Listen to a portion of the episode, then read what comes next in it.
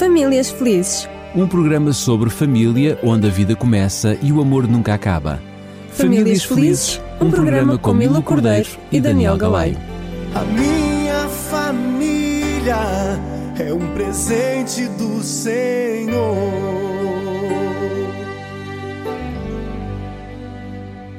E estamos de volta para mais um Famílias Felizes. Hoje, um, antes de começarmos o nosso programa, em primeiro lugar quero cumprimentar Milu, obrigado por estares connosco Olá mais Daniel, uma vez. ora é essa, olá boa tarde, que bom estar convosco, mais uma vez pela graça de Deus. É isso mesmo, mas como hum, ficou prometido que hoje iríamos começar precisamente a falar de Jacó. Isso. Uh, mas eu vou-te pedir que possas voltar um, boqui- um bocadinho antes Ok. né, a, a questão de, de- de Isaac, porque uh, uh, Jacó acaba por não ir de forma voluntária encontrar-se com a sua, aquilo que queria ser depois a sua família. É verdade. Ah, Aliás, semana passada nós vimos isso mesmo. É uma história que no, o fim dela traz esta divisão entre dois irmãos. Dois irmãos gêmeos, em que um eh, nasce eh, primeiro que o outro e esse é considerado com certeza o primogênito, mas essa primogenitura, como nós explicamos semana passada, por não ser tão apreciada por este irmão mais velho, acaba por ser, eh, portanto, eh, usurpada, digamos assim, pelo seu irmão mais novo. E o que vimos no relato bíblico é que quem ajudou Jacó, como irmão mais novo, a receber essa bênção que pertencia ao seu irmão mais velho, Isaú, é a sua própria mãe, portanto, Rebeca. O relato bíblico dizia que Isaac era, eh, apreciava mais as características de Isaú, portanto, do filho mais velho, mas Rebeca apreciava mais as de Jacó, que ele era um bocadinho mais eh, recatado, portanto, mais quietinho, mais de ficar por casa.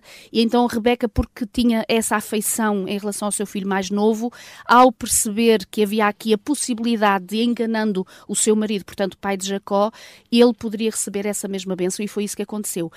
No entanto, nós sabemos que todos os atos que não são corretamente executados trazem as suas consequências, assim como os atos que são corretamente execu- executados trazem tudo as suas tra- consequências, as positivas, bem, né? o Ora mal, bem, não é?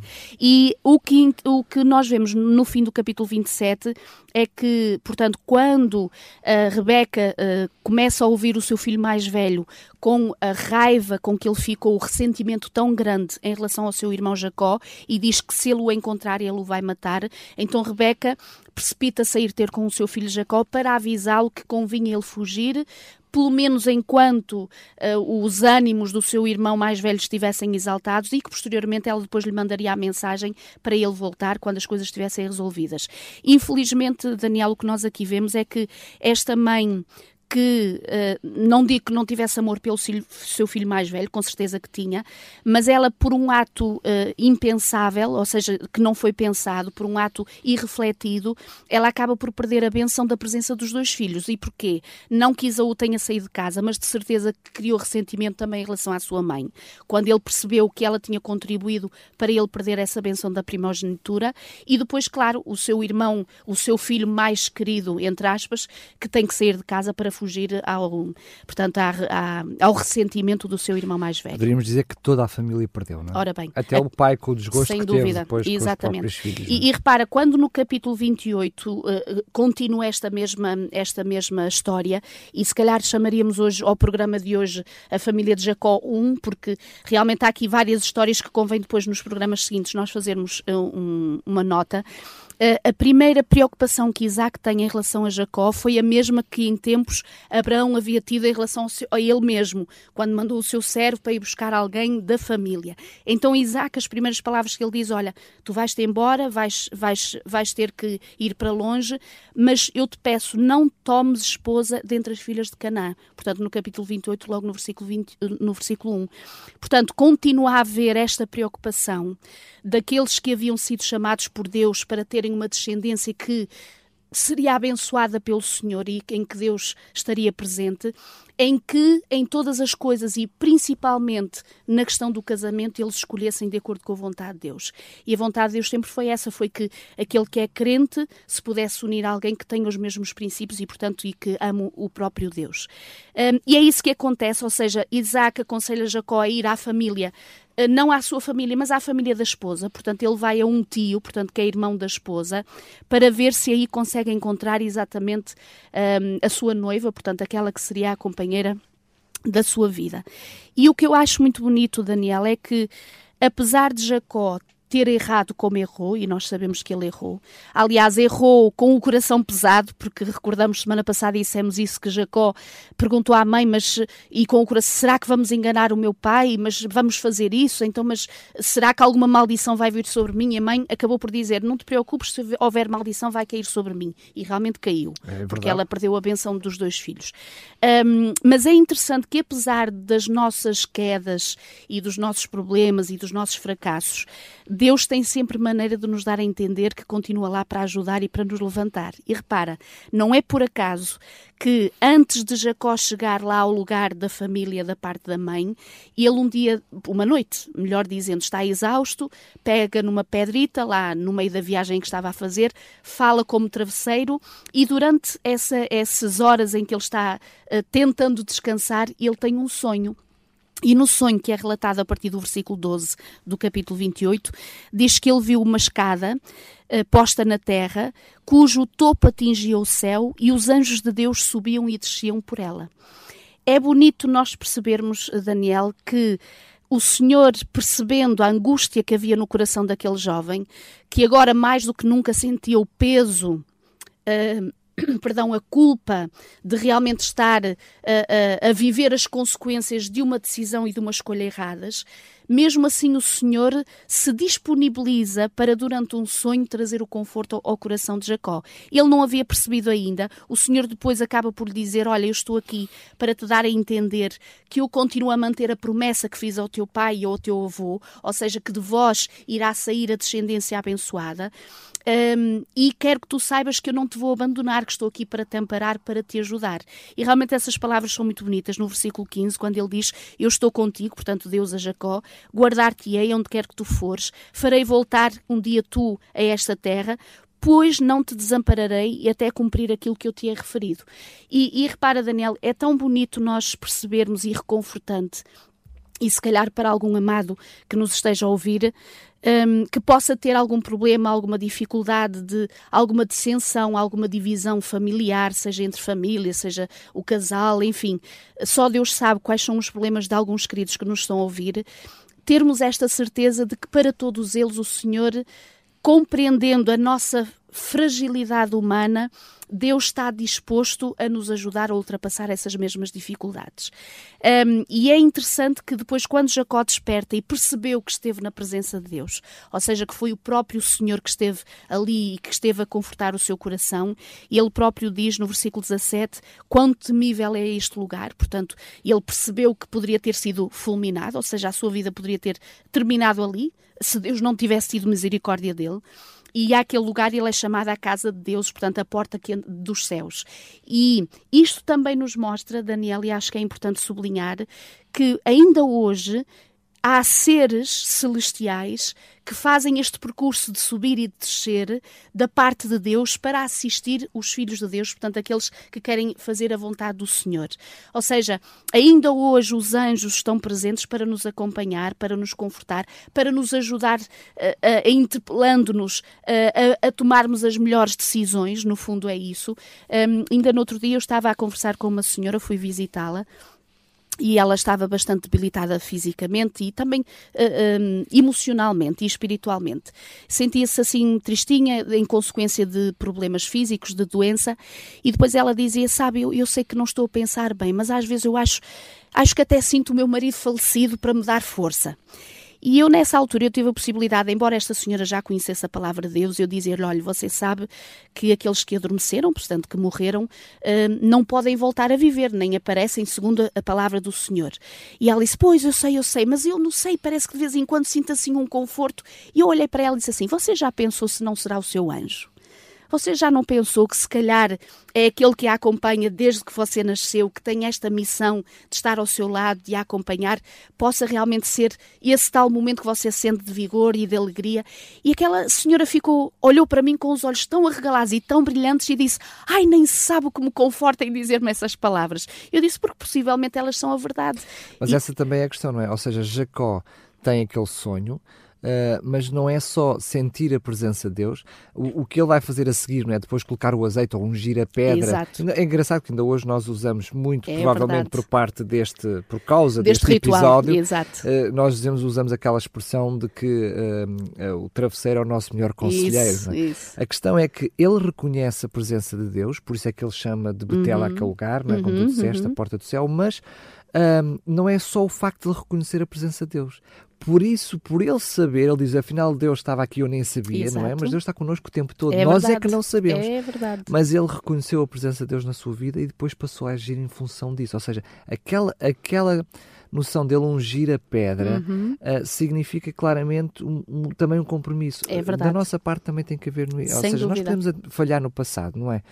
Queremos a presença de Deus na nossa vida, no Uhum. nosso relacionamento, na nossa família, Uhum. mas depois também temos que agir em conformidade com essa presença Sem de Deus. dúvida. não é? E, e é, é bonito vermos que a partir deste momento, e no versículo 18, quando diz que Jacó levantou-se muito cedo de madrugada para continuar a sua caminhada, j- já agora eu tenho uma mensagem que já, já meditei sobre ela, em todos os versículos, tanto no Antigo como no Novo Testamento, quando diz que alguém se levanta de cedo de madrugada.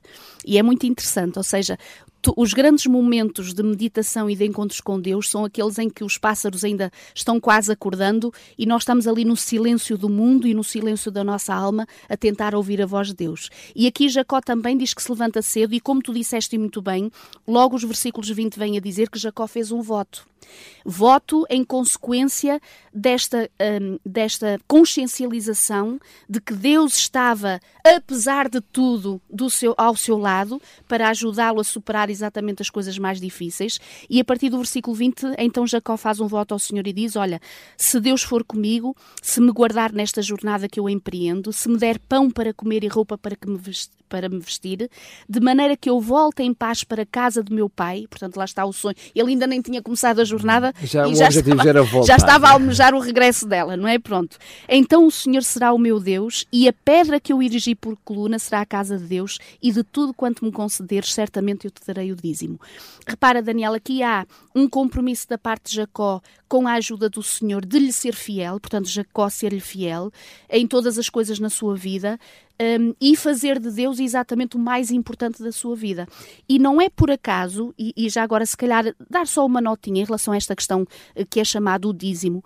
Infelizmente nós hoje temos um bocadinho mais de renitência em falar em relação a isto, porque, infelizmente, algumas eh, entidades religiosas têm usado exatamente este princípio bíblico, porque é um princípio bíblico, para eh, prosperidade própria. Ou seja, em vez de ser concebido e compreendido a questão do dízimo no verdadeiro valor espiritual e material, inclusivamente, daquele que o Senhor nos chama a poder fazer, como um compromisso entre nós e Deus, não entre nós e o ser humano, é entre nós e Deus. E infelizmente, porque tem havido um abuso da parte de algumas entidades religiosas em relação a isso, muitas pessoas ficaram descrentes e, portanto, até eh, mesmo a sua própria eh, dedicação a Deus acabou por, por se perder por causa destas fraudes, permite-me dizer assim. Mas a questão do dízimo é algo bastante bíblico. E Jacó, repare, ele aqui está a dizer: Senhor, eu de todas as coisas que tu acabaste por me dar, seja no comer, seja no beber, para eu poder sobreviver, e eu digo-te que a primeira coisa que eu quero fazer na minha vida é dar-te a entender que eu te estou muito grato. E qual é a melhor maneira de nós darmos a entender que estamos gratos a Deus por tudo o que temos? É entregar-lhe pelo menos parte daquilo que Ele nos vai dando, não é? Sendo que, repara, eh, nós, como disseste bem, nós vamos falar mais, vamos fazer mais programas para a frente, Exato. mas este Jacó é grandemente abençoado. Sem dúvida. No futuro vamos ver que em tudo o Sem que este dúvida. homem toca, Até prospera. no fim, no fim, mesmo hoje no fim. Prospera. Exatamente. Ah, mas o que é que nós vemos? Vemos que este homem, no momento em que não tem nada, quando toma esta decisão, é um momento de fidelidade a Deus, Exato. ou seja, de entrega a Deus. Uhum. Ele entrega aquilo que neste momento não tem, é verdade, podíamos dizer assim, tá, mas que fácil dizer que dá, que dá o dízimo. Quando não tem nada, Ora tudo o que vier é ganho. Mas ele, não- ele faz isto como prova máxima, esta questão do dízimo é como prova máxima da sua fidelidade e sua entrega a Deus Exato. não é? Ou seja, não é no sentido de, de querer prosperar e por isso dá uma parte a Deus porque Uhum. quer prosperar. Ora bem, do interesse. do interesse. Ora bem. Toda a atitude dele de, de, de, de reconhecer aquele lugar, É uma atitude de de Deus, gratidão. de gratidão e de Exatamente. entrega a Deus. Exatamente. E, e isso vai-se ver, nota-se a sinceridade deste Uhum. homem neste momento é a forma como Deus lhe responde a seguir. Isso, isso. Ou seja, ele entrega a Deus, faz uma promessa a Deus e Deus, eh, em, eh, em prol desta promessa, abençoa em tudo. Exatamente. Abençoa em tudo. Exatamente. E repara, Daniel, a, a questão é, às vezes é o contrário daquilo que nós pensamos. Nós não estamos a dar a Deus para que Ele nos dê mais, mas é porque Ele já nos deu o que nós podemos dar. Ou seja, quando nós É porque ele é bom connosco Ora bem, que que nós, podemos. não é? Ora bem, portanto, não é. Mas às vezes pode ser também Sim, sim, compreendido fizeste desta forma, ou seja, no sentido que vamos aqui subornar, permite-me a expressão, aqui o, o, o- o celestial, portanto, o divino, para ver se vem alguma coisinha que. Por isso é quando- que o princípio é não dá uma parte a Deus que Deus dá-te 10 vezes mais, Isso. mas é daquilo que recebes Ora bem, Deus, ora não é? bem. Que é o, o princípio bíblico desde, o- desde, o Desde, Gênesis. desde não é? sempre, exatamente. E, portanto, hum, e, e como tu disseste muito bem, Jacó, por ter percebido e por ter sido um voto sincero e genuíno e correto, este de, em primeiro lugar, ele entregar a sua vida e tudo que tem ao Senhor, que ele vai realmente, como disseste, ver grandes bênçãos na sua vida. Então, repare, ele está ainda a caminho, portanto, de, eh, da casa do, do seu tio e em determinada altura há aqui algo que parece, é é muito semelhante àquilo que o servo do seu pai havia vivido quando o seu pai o havia mandado, portanto, a- ao seu servo, eh, como é que é?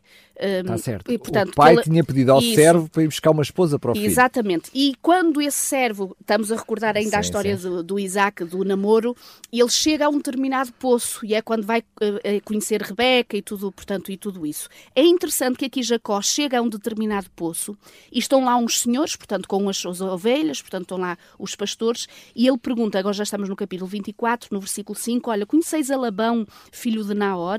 E responderam, conhecemos sim, Eh, senhora. Estás a falar, versículo, desculpa lá, Capítulo só 20, 29, Disseste exato. 24, Ai, mas é perdão, 29. 29. Capítulo 29 e agora o versículo 6. Uh, conhecemos sim, senhora, e ele pergunta, então ele está bom? Perguntou ainda Jacó. Responderam, está bom, e Raquel, a sua filha, vem vindo aí com as ovelhas. Ou seja, era um, um poço, portanto, que estava desde o tempo, portanto, de- da família de, de Israel. E aqui vem exatamente agora o Jacó ao mesmo poço e eles dizem: Olha, a filha desse senhor que tu procuras vai vir mesmo daí a pouco. E realmente acontece isso, diz o versículo 9, que ele falava-lhes ainda quando chegou Raquel com as ovelhas de seu pai, porque ela era pastora. Repara, ela tinha mesmo a, a função e, portanto, um dos seus trabalhos era eh, ir ao campo e poder cuidar, portanto, dos animais, dos rebanhos, e ela, neste momento, foi até esse poço. E eu achei muito interessante, repara que no versículo 10 diz que quando Jacó viu a Raquel, filha de Labão, irmão da sua mãe, portanto, ela viu logo que ela era a sua prima, portanto, eh, aquela quem eles, procuravam. Hum, diz que ele chegou-se, removeu a pedra da boca do poço, portanto, havia uma pedra que cobria tampa, o- é? uma tampa. É, seria uma, uma pedra, nesta Sim, era altura. uma pedra é uma pedra tampa, exatamente. tampa. E deu de beber ao rebanho. Eh, Daniel, eu não sei se é por ser mulher, mas aqui eu vi eh, um- uma, se calhar, uma necessidade nesta hora da parte de Jacó poder mostrar ali o seu ar masculino, a sua faceta masculina de, eh, de ajudador, que ele estava diante de uma donzela para lhe poder ajudar. E realmente, depois de retirar essa mesma pedra, ajuda a dar, eh, portanto, de beber ao rebanho. E feito isto, diz o versículo 11, Jacó beijou a Raquel e erguendo a voz ele chorou. Hum, nós podemos achar e perguntar-nos assim, então, mas ele ainda não a conhecia de lado nenhum, ainda não se tinham visto, era pela primeira vez que se estavam a encontrar e ele ousa dar um beijo, portanto, a Raquel. É isso, desculpa lá, mas não, ainda há bocadinho em off, tu pedias-me a atenção, eu disse, olha, eu sou homem, deixa-me só fazer uma coisa de cada vez, já estou toda a atenção, mas aqui uso a mesma expressão, por isso é que conto isto. Eh, já- agora percebo porque é que ele já, já teve aquela, aquela De tirar a pedra. tirar a pedra. Ahm, mas aqui, esta, esta situação, pelo menos, pelo menos Jacó teve a oportunidade de a ver. Exato. Não foi o empregado ah, do pai Isso, que foi buscar foi alguém buscar para- e disse, ainda, ainda fez a promessa com Deus, aquela que tu trouxeste será.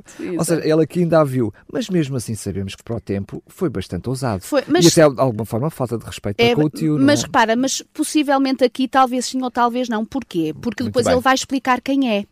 E quando Jacó se sente na liberdade de saudar com um beijo, portanto, a Raquel, é porque ela era da sua família, portanto, ele estava saudando a sua família.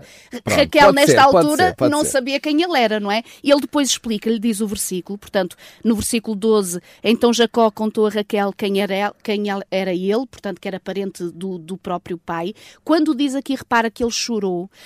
hum, Aqui vemos uma atitude de Jacó no sentido de já reconhecer que Deus estava guiando a sua vida, porque ele acaba por ver que exatamente no poço onde ele parou era o poço daquele a quem ele havia, estava a procurar, que aquela que ele chegou já fazia parte da família a quem ele estava a procurar, e portanto ele chora de emoção no sentido de gratidão ao Senhor por ver que estava a conduzir a sua vida, não é? Claro que sim. Agora, E o que é que nós acontece percebemos depois? isso porque quando o, o Labão também corre para ele e também o abraça e Isso, também o beija, isso. portanto, quando o relato diz isto, Ora mostra, bem, mostra bem. que o beijo é algo. Ora de- bem, que era uma saudação, saudação, entre família, bem. entre família. Portanto, não estamos aqui a falar de, de, Sim, sim. hum, de- como é que eu ia de deixar a palavra de, de avanços eh, não muito modestos, mas era no sentido, acredito que Muito sim, nu- num beijo modesto entre familiares. E como disseste, Labão, ao ouvir as notícias de Raquel, que ela correu para casa a dizer: Olha, está ali o primo, está ali o filho da tua irmã, e ele vai, corre, beija-o também, abraça-o e convida-o para vir para a sua casa. Hum, no entanto, o que eu acho interessante, e aqui já começamos a ver um bocadinho do, do caráter de Labão, portanto, que acaba por ser o tio, portanto, de Jacó. Ele diz, eh, versículo 15: Disse Labão a Jacó: Acaso por seres o meu parente irás servir-me de graça? Diz-me, qual é que será o teu salário? Bom, eu devo imaginar que aqui Labão, ao olhar para Jacó, seguramente ele devia de ser alguém bem constituído, e nós vimos que ele próprio tira a pedra. Tira a portanto, pedra do poço. Portanto, portanto. devia ser alguém bem constituído. Labão, como tinha interesse na prosperidade, portanto, tinha interesse na prosperidade, vê ali Uma atribu- oportunidade. Oh, uma oportunidade extraordinária para aumentar a sua própria despensa, não é? E mal sabia ele que, que- que realmente ia ser um grande e negócio. é exatamente, e mal sabia ele, por amor a Jacó, tanto mais por amor a Jacó, é que ele depois vai propriamente reconhecer isso. E então ele acaba por ter esta ousadia de dar a entender a Jacó que já porque ele era da família, escusava de pedir salário, ou seja, aquilo fica entre família, podia fica trabalhar entre nós, assim sem claro. salário, não é? Um, e é aqui que, repara, um, vai explicar um bocadinho como era composta a família de Labão. No versículo 16 diz do capítulo 29 de Gênesis: Ora, Labão tinha duas filhas, Lia, a mais velha, e Raquel, a mais moça. Portanto, acabamos por saber que Raquel era a mais nova, portanto, tinha uma irmã mais velha. E agora vai definir um bocadinho, pelo menos, da parte física de Lia e de Raquel. Diz o versículo 17: Lia tinha os olhos baços, porém Raquel era formosa de porte e de semblante. Esta expressão que Lia tinha os olhos baços, se calhar não era no sentido de estarem baços eh, de sujidade ou do que fosse, não é?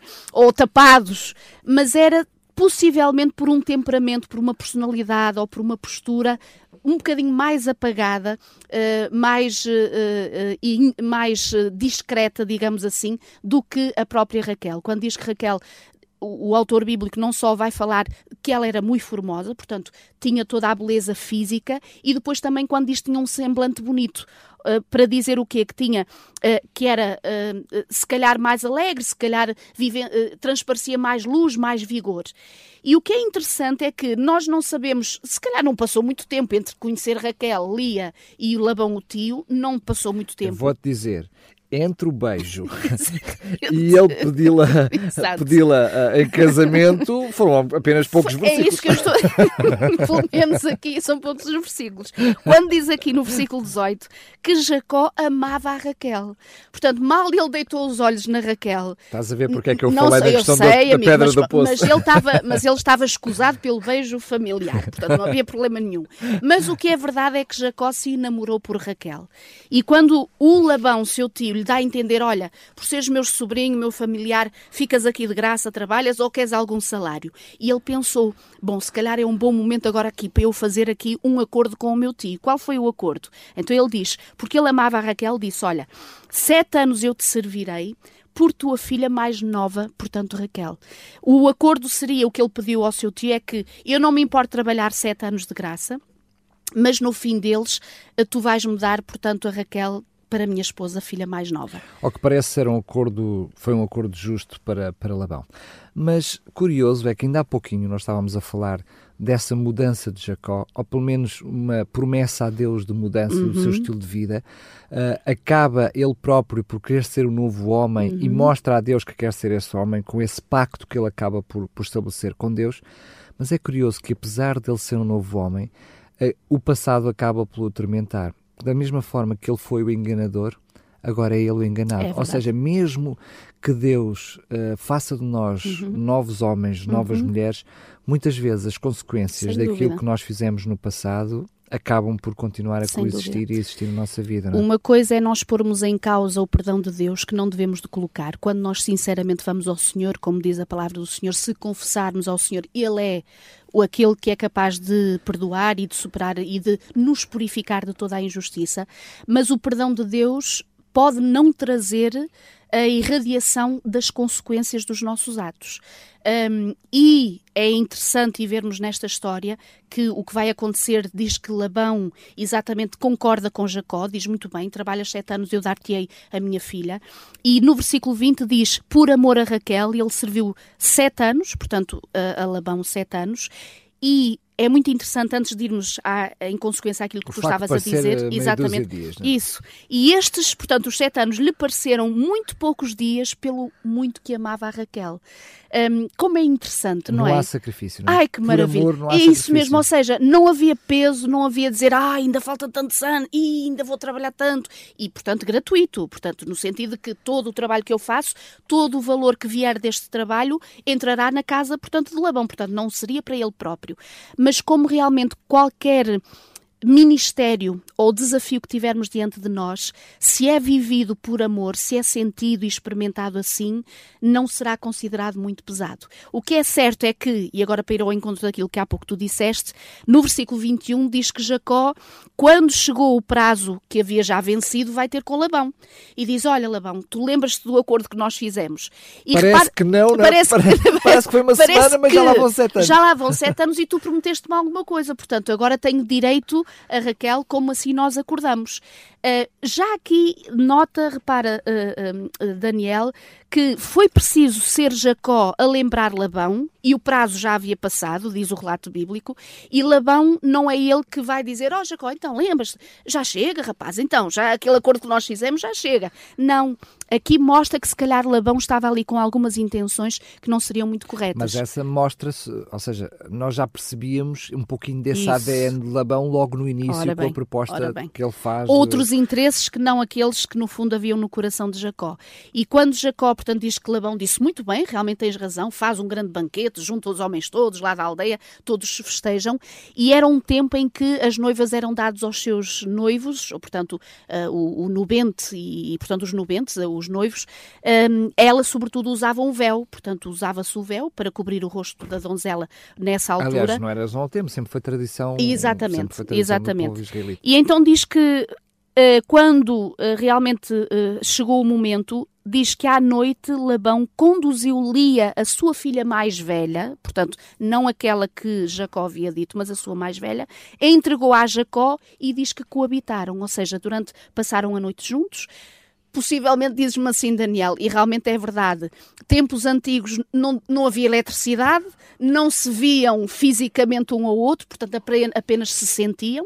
Eh, se calhar ela não falou muita coisa, seguramente porque Jacó haveria de descobrir a voz de uma à voz de outra, portanto o timbre de uma e o timbre do outro. O que é certo é que quando no versículo 25 diz ao amanhecer, Jacó viu que era Lia, ele deve ter apanhado um baque e um choque naquela hora, e por isso disse Jacó a Labão, que é isso que tu me fizeste, não te servi eu por amor a Raquel, porque pois tu me enganaste.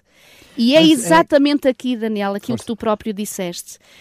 No fundo, Jacó está a sentir agora na pele aquilo que ele próprio havia feito outros sentirem.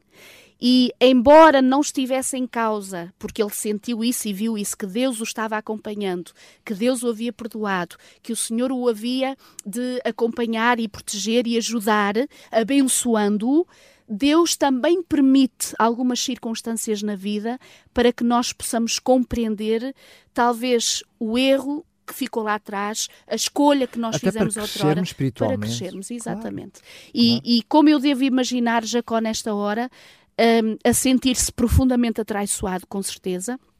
E neste momento, por ter inclusivamente até abraçado, beijado e estado, estado íntimo com alguém que não era aquela que ele Imaginemos amava. que o, o sofrimento também não foi só dele, não é? Raquel Ora de alguma bem, forma também ora bem. E não só Raquel, Lia também. E eu devo imaginar esta moça, esta jovem senhora, que sabe que o seu primo, portanto, estava enamorado pela sua irmã. Que pensa que é a irmã que está naquele momento ali. Exatamente. E Lia, se calhar, quem sabe, disse ao seu pai: Mas o que é que tu vais fazer? Não é a mim que ele quer. Mas Labão acaba por lhe responder e diz: Olha, Jacó, aqui na nossa terra não se faz assim. Ou seja, não casa a jovem, a filha mais nova, sem antes casar a filha mais velha. E então o que ficou acordado aqui é dar-te-emos uma semana e a partir de então o que é que vai acontecer? Pelo trabalho de mais sete anos, que para Labão ousa ainda dizer a Jacó que vamos então fazer aqui um acordo. É verdade, eu dei-te a filha que tu não querias, mas deixa-se passar uma semana, eu entrego-te a que tu queres, mas tens que trabalhar mais sete anos para realmente teres direito a ela. E o que diz aqui é que concordou Jacó, passou, portanto, no versículo 28, a semana desta, então Labão lhe deu por mulher a Raquel, sua filha. Versículo 30, e coabitaram, mas Jacó amava mais a Raquel do que a Lia e continuou servindo a Labão por outros sete anos. Hum, decisões na vida e escolhas que pessoas podem fazer até em relação à nossa própria vida, neste caso Labão, daquilo que fez em relação à vida de Jacó, mas que podem trazer consequências, consequências que depois trazem tristeza para a vida dos intervenientes. Repara, mesmo que Jacó quisesse ser respeitador para com esta primeira esposa, portanto que era Lia que lhe tinha sido dado, um, ele não podia ultrapassar os seus próprios sentimentos, ou seja, exigir-se Até porque eles eram manifestos desde o início. Ora eram bem, ora o bem, início, é? ora bem. Mas por mais que ele quisesse, o relato acaba por dizer, ele com certeza apreciava sempre muito mais a Raquel, porque foi aquela que ele desde o início quis ter, do que a própria Lia. Depois o que é que acontece, eh, eh, Daniel? É toda uma história e uma complicação entre as esposas de Jacó, que seria Lia e Raquel, e as servas das esposas, portanto, que para, como vemos aqui, para uh, Lia, a, a- portanto, Zilpa a e Zilpa Lia. e a Bi- Bila para, exatamente, para Raquel, em que vão ser envolvidas em toda esta história que poderia ser tão simples, mas que as tais decisões de trás acabam por trazer grandes consequências lá para a E frente. depois são outras decisões para tentar resolver problemas Isso e mesmo. outras E o, e o novelo vai cada vez É crescendo de mais. neve, é? Exatamente. Ou seja, repara, eu- o que eu acho também interessante aqui no versículo 31 é que quando o Senhor viu que Lia era desprezada, e, e- e desprezada em que sentido? Que Jacó realmente tinha maior amor e mais dedicação a Raquel. E ele diz que o Senhor a fez fecunda ao passo que Raquel era estéril. Mesmo em situações, e mais uma vez aqui estamos a ver o Senhor, que no meio de uma história que está muito mal emaranhada por atos humanos, mesmo o Senhor vai lá buscar a sua misericórdia e diz: Olha, estou a olhar daqui de cima, vejo que tu estás a ser desprezada, também é injusto para contigo, porque tu também não tiveste culpa do que aconteceu, então eu pelo menos vou-te abençoar e vou-te dar filhos. E portanto, o que é que aconteceu? Lia acaba por ter Ruben, Simeão, Levi e Judá. Portanto, logo quatro filhos. E o que é que ela põe no coração? Olha, como eu dou filhos a Jacó, de certeza que ele agora vai me amar mais do que a Raquel, porque ela é estéril.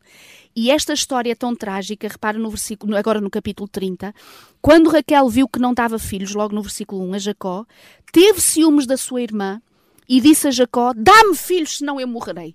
E eu imaginar a cara de Jacó olhar para a mulher, para a Raquel e dizer: Mas o que é que queres que eu te faça? Porque ela estava tão desesperada eh, e, sobretudo, numa época em que realmente, se a esposa não desse descendência, portanto, ao seu marido, realmente não era, era visto como que não sendo abençoada por Deus. E ela, num ato de desespero, vira-se para o seu marido e diz: Dá-me filhos, por favor, senão eu vou morrer. Eh, Eu sempre achei o episódio muito estranho, não é? Porque eh, se o marido pode ter filhos com a irmã, Isso. se não está a ter com ela, Claro. o problema a partir Claro. não seria do marido. Mas por outro lado, dá a sensação que, que esse desabafo que é feito eh, é- não é feito a Jacó, mas é feito a Deus. É não isso, é isso. Dá, dá a sensação que o, o- o- desabafo uh, é feito no sentido do, do desespero uhum. e diz: Olha, uh, Jacó, é verdade que ela fala Isso. para Jacó, mas é como quem diz: Senhor, dá-me filhos, senão a minha e vida. E o anseio, claro. é um desespero, é uma ansiedade. E tanto que Jacó, quando percebe que aquilo que ela lhe está a pedir é uma coisa que o pedido não é para si, claro. e ele diz no versículo 2: Acaso estou eu em lugar de Deus, que ao teu ventre impediu frutificar? Ou seja, ele está a dizer: Não sou claro. eu que sou o culpado dessa situação. Possivelmente Deus assim permite e por isso é que tu não estás a ter filhos. E mais uma vez uma história se repete triste, é que quando nós vamos para trás daqueles que eram os avós de Jacó, portanto, no fundo já estamos nos avós de outros programas que fizemos atrás, de Sara e Abraão, quando Sara não concebe, apesar da promessa que Deus havia dado a Abraão, ela dá a proposta, olha, vai à minha serva, portanto, uh, que ela tenha filhos e eles são considerados meus. Aqui neste momento, Raquel vai fazer exatamente a mesma coisa com Jacó. Diz, olha, tudo bem, eu não posso ter, está aqui a minha serva Bila, toma, eh, portanto, eh, pernoita com ela e seguramente me vão ser dados filhos. E... Uh, só, só explicar, diz, pode, diz, diz. pode passar uh, sim, sim, sim. Uh, despercebido, é que havia infelizmente também uma prática comum que Exato. quando as servas concebiam no colo, uh, portanto, das, aquelas que eram realmente as senhoras, uhum, as esposas, uhum. uh, os filhos passavam a ser das esposas. Então era uma prática comum. Acreditamos claramente que não era essa a vontade de Deus, Exatamente. mas infelizmente era uma prática comum. E Bila, na realidade, vai servir mais uma vez é, de, de, de, de alternativa humana, não é? Que normalmente tenta, tenta dar um jeitinho a Deus e procura em si próprio, na humanidade, as, as respostas e vai dar mais uma vez, e, e, como diz o bom português, barraca. É verdade. Uh, quando nós pensamos que por não virem as bênçãos eh, como nós achamos que elas devam vir, nós acabamos por, à nossa maneira, tentar ir buscá-las. Procuramos nós as soluções. Isso, e acaba por trazer exatamente mais desastre do que vitória. E é interessante que aqui, quando ela diz, portanto, uh, a Bila, uh, realmente ela coabitou com Jacó, um, e já agora fazer aqui uma parte importante, Daniel. Esta questão da poligamia, ou seja, de haver mais do que uma, um homem ter mais do que uma esposa, isto não era nada vontade do Senhor, portanto, isto não era do, do da parte de Deus. Portanto, isto tinham sido hábitos adquiridos por observarem as nações que estavam à volta. Portanto, as nações. E tanto que não era vontade de Deus, quando tu vais ao relato bíblico, lá vamos nós, a Gênesis, bem, bem lá no início. Já, ainda continuamos em Gênesis, mas bem, bem, bem lá sim, no sim. início. Quando o Senhor diz que fez Adão, só lhe fez foi uma mulher. Portanto, foi Eva. O Senhor não fez mais do que uma mulher. Portanto, foi uma mulher. Esta questão de mais do que uma mulher, a questão da poligamia, portanto, são uh, uh, práticas que foram adquiridas por, pelo povo de Deus, mas à rebelia da vontade do Senhor, mas por verem mais as outras nações. O que é dito e sempre aqui. com consequências nefastas. Sempre, exatamente, sempre e vemos isso. Portanto, ela acaba por ter Dan, depois acaba por ter Naftali, e agora o que é que acontece, Nelson? Isto realmente não podia ter ficado pior, ainda fica pior agora. Quando Lia, portanto, que já havia tido quantos filhos? Nós havíamos dito quatro filhos. Começa a ver que a serva da sua irmã deu mais dois filhos a Jacó. Ela sente-se tão triste por não continuar a poder dar filhos que ela diz a Jacó para poder usar a sua própria serva Zilpa portanto, a outra, que era da outra irmã, a mais velha. Vai usar a mesma técnica a mesma para técnica a dar para mais poder filhos. Eh, dar mais filhos. E o que é, é engraçado, que não tem nada de graça, que isto depois traz as complicações, vai nascer exatamente mais dois filhos, Gad e Asser. Isto acaba por ser a gênese das doze tribos de Israel. Portanto, nós estamos a falar exatamente do nascimento dessas mesmas tribos. E depois hum, é interessante que Raquel, aqui no versículo 15, eh, quando Ruben, portanto, que era o filho mais velho de Lia, vai buscar aquilo que são chamadas as mandrágoras ao campo e traz para a sua mãe Lia, Raquel viu as mandrágoras e vai pedir a Lia: Lia, dá-me essas mandrágoras que o teu filho trouxe. E a Lia diz-lhe assim: Então, mas tu já me tiraste o marido, já me tiraste o amor que ele. Uh, uh, que é só teu, também me queres tirar as mandrágoras. E agora Raquel vai fazer aquilo que o seu cunhado, que se calhar ela conhecia a história, não sei, de Isaú, por questões de comida, vai-lhe dar a possibilidade dela dizer: Olha, então em troca das mandrágoras, eu permito que Jacó, e vou-lhe dizer para ele passar a noite contigo. Repara, o que se nota aqui é que Lia não tinha a presença de Jacó muitas vezes, porque ele amava era a Raquel, era com ela que ele ficava, que pernoitava, e Raquel vai permitir que por causa de umas mandrágoras, e agora te pergunto-me assim, o que é que é isso? Boa pergunta. Eu fui procurar o que, é que era mandrágoras, que eu já não me lembrava. E o que eu acho interessante é que não é só questão de uh, glutonaria, ou seja, de ser gulosa, de, de, de apenas querer comer alguma coisa, mas é que nesta altura esta planta era considerada um afrodisíaco. E possivelmente o que Raquel viu na sua mente, porque ela até agora ainda não teve nenhum filho, foi só a sua serva, Claro, é que se calhar, através daquela planta que diziam ter hum, eh, atributos extraordinários, mesmo inclusivamente na questão da fecundação, ela tomando isso, quem sabe ela não poderia alcançar algum bebê.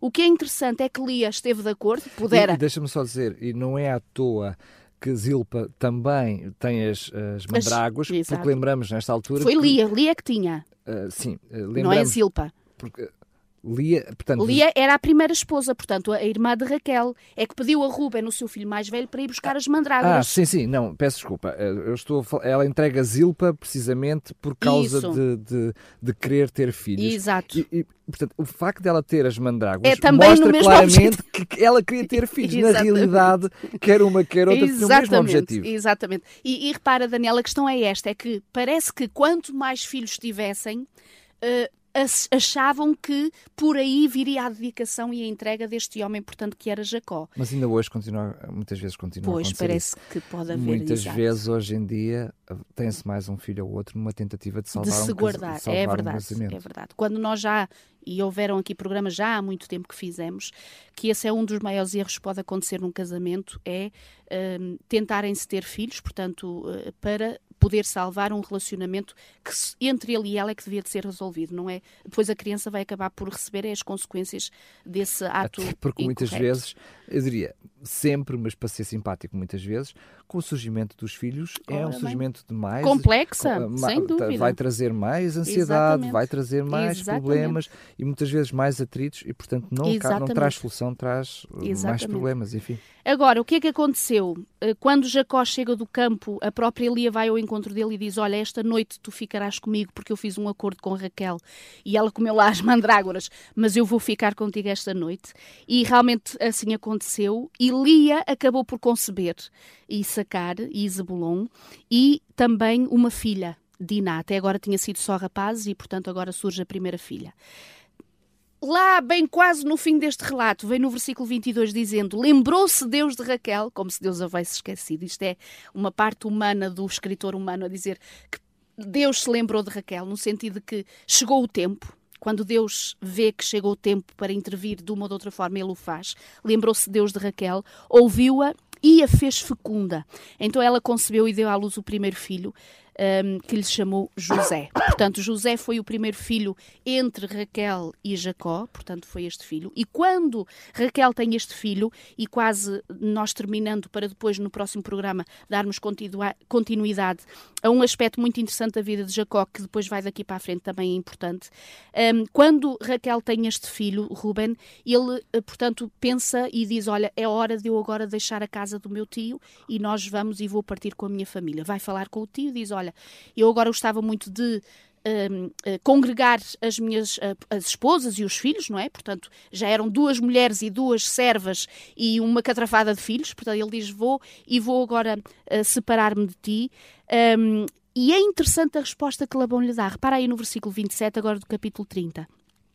Labão lhe respondeu e disse: Ache eu mercê diante de ti, fica comigo. Eu tenho experimentado que o Senhor me tenha abençoado por amor a ti. Esta questão do ser abençoado, eh, aqui, aqui Labão não tinha tanto, era um interesse de. Ehm, não era tanto o cuidado pelo sobrinho, mas era mais e continua a ser sempre o seu interesse em prosperidade. Mas ele acaba por reconhecer que não é por ele que ele está a ser abençoado, mas é por Jacó. E aqui. Sim, deixa-me só dizer isto. Nós só, só vemos isso mais para a frente, com a questão depois Sim. ah, da questão como das cabras e da forma Exatamente, e como, terminamos assim, como exatamente. Deus ah, a seguir continua a Abençoar. abençoar.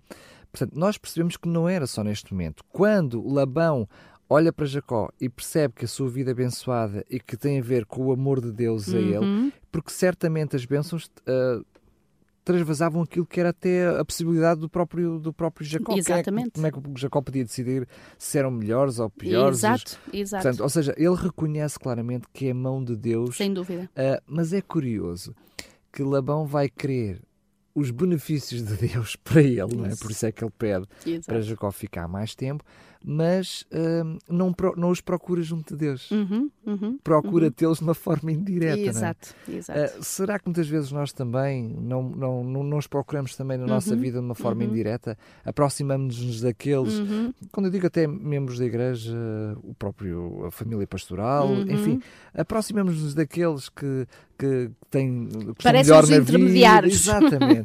queremos, queremos eh, procuramos, né, os, os chamamos, como é que é? Eu não estou a lembrar da palavra. Eh, são os amigos do, do, de, de ocasião, não é? Exato. Ah, mas quando Deus é, é que é Ele É próprio verdade. é que é o- Logo diretamente. é que dúvida, recorrer a Ele, porque Ele é que é o dono de tudo. É? Apenas dar algumas referências para quem nos está a ouvir melhor perceber aquilo que tu estavas a dizer. O que acontece aqui é que nós vemos também a paciência de Jacó. E Jacó poderia muito bem dizer assim: Olha, já chega, não é? Portanto, todos estes anos que eu tive à tua mercê foi sempre a trabalhar para ti. E ele próprio acaba por dizer: Quando é que eu começo a trabalhar para mim? Ou seja, o, o- o- qual é aquilo que eu junto de- daquele trabalho que eu tenho tido para meu próprio benefício e para benefício dos meus. Mas ele acaba por ter uma postura eh, educada e delicada. Ele diz: Olha, Labão, então vamos fazer assim. E termina exatamente este relato fazendo esta experiência.